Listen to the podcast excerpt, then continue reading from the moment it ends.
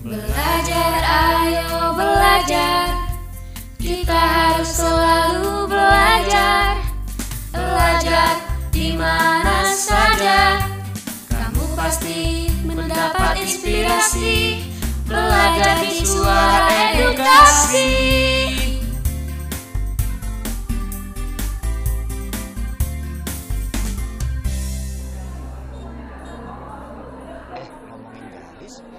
Jadi ingat tentang penerapan pembagian kekuasaan ya? Memangnya kenapa dengan pembagian kekuasaan? Begini-begini, dalam penerapan pembagian kekuasaan, kan ada pembagian secara horizontal dan vertikal. Nah, kedua pembagian kekuasaan tersebut, bedanya apa ya? Kamu tahu nggak? Halo sahabat edukasi, berjumpa kembali bersama Ayo Belajar untuk SMA dengan mata pelajaran Pendidikan Pancasila dan Kewarganegaraan.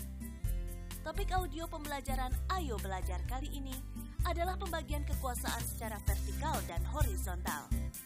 Sahabat edukasi ingin tahu kan apa perbedaan dari pembagian kekuasaan tersebut? Yuk kita simak bersama audio pembelajaran ini. Selamat mendengarkan.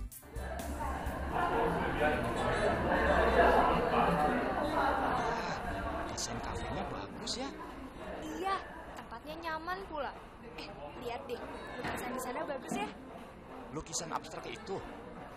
Iya, padahal ya, itu cuma gabungan dari garis miring, vertikal, dan garis horizontal saja loh. Tapi jadi sebagus itu. Iya, soalnya pewarnaannya tepat. Kayak ahli seni aja ya kita komentarin lukisan gitu. Iya, iya, iya, iya. Eh, ngomongin garis, kok aku jadi ingat tentang penerapan pembagian kekuasaan ya? Memangnya kenapa dengan pembagian kekuasaan? Begini-begini, dalam penerapan pembagian kekuasaan, kan ada pembagian secara horizontal dan vertikal. Nah, kedua pembagian kekuasaan tersebut, bedanya apa ya? Kamu tahu nggak? Bedanya ya? Hmm, oke. Jadi begini. Pembagian kekuasaan secara horizontal itu, kekuasaannya dibagi menurut fungsi lembaga-lembaga tertentu. Sedangkan pembagian kekuasaan secara vertikal itu, pembagian kekuasaannya menurut tingkatannya. Oh, jadi pembagian kekuasaan secara horizontal itu contohnya kekuasaan legislatif, eksekutif, sama yudikatif ya? Nah, iya. Tapi bukan hanya tiga kekuasaan tersebut. Dalam pembagian kekuasaan secara horizontal, ada enam kekuasaan. Wah, kekuasaan apa saja itu? ada kekuasaan konstitutif, kekuasaan legislatif, kekuasaan yudikatif, kekuasaan inspektif, sama kekuasaan moneter. Banyak juga ya. Iya, soalnya kan setiap kekuasaan memiliki fungsi masing-masing.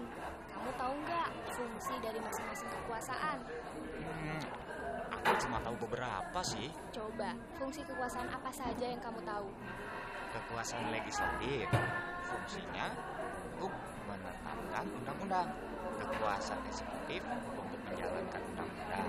Kekuasaan yudikatif itu untuk menyelenggarakan peradilan. Benar nggak?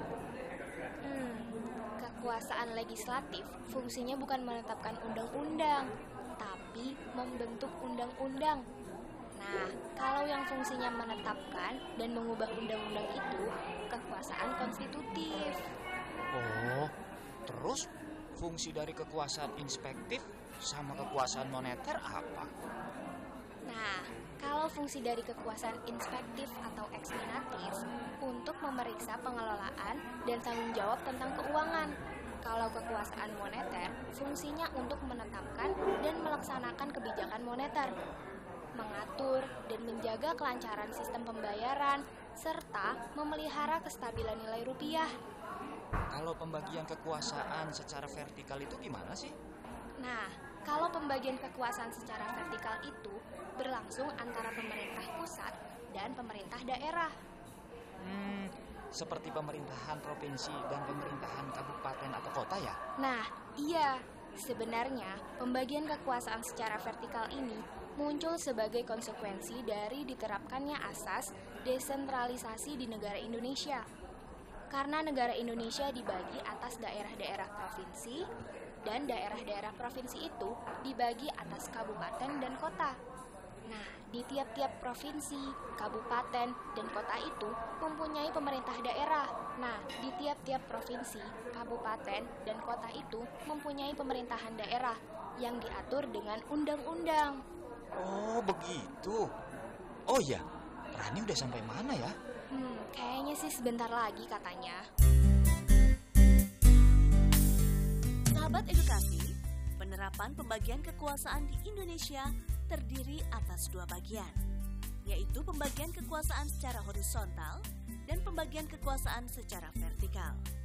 Pembagian kekuasaan secara horizontal merupakan pembagian kekuasaan menurut fungsi lembaga-lembaga tertentu, seperti legislatif, eksekutif, dan yudikatif. Sedangkan pembagian kekuasaan secara vertikal merupakan pembagian kekuasaan menurut tingkatnya, yaitu pembagian kekuasaan antara beberapa tingkatan pemerintahan. Terus semangat belajar, sampai jumpa di lain waktu dengan topik yang berbeda dengan acara yang sama. Sampai jumpa lagi. Terima kasih. Belajar what.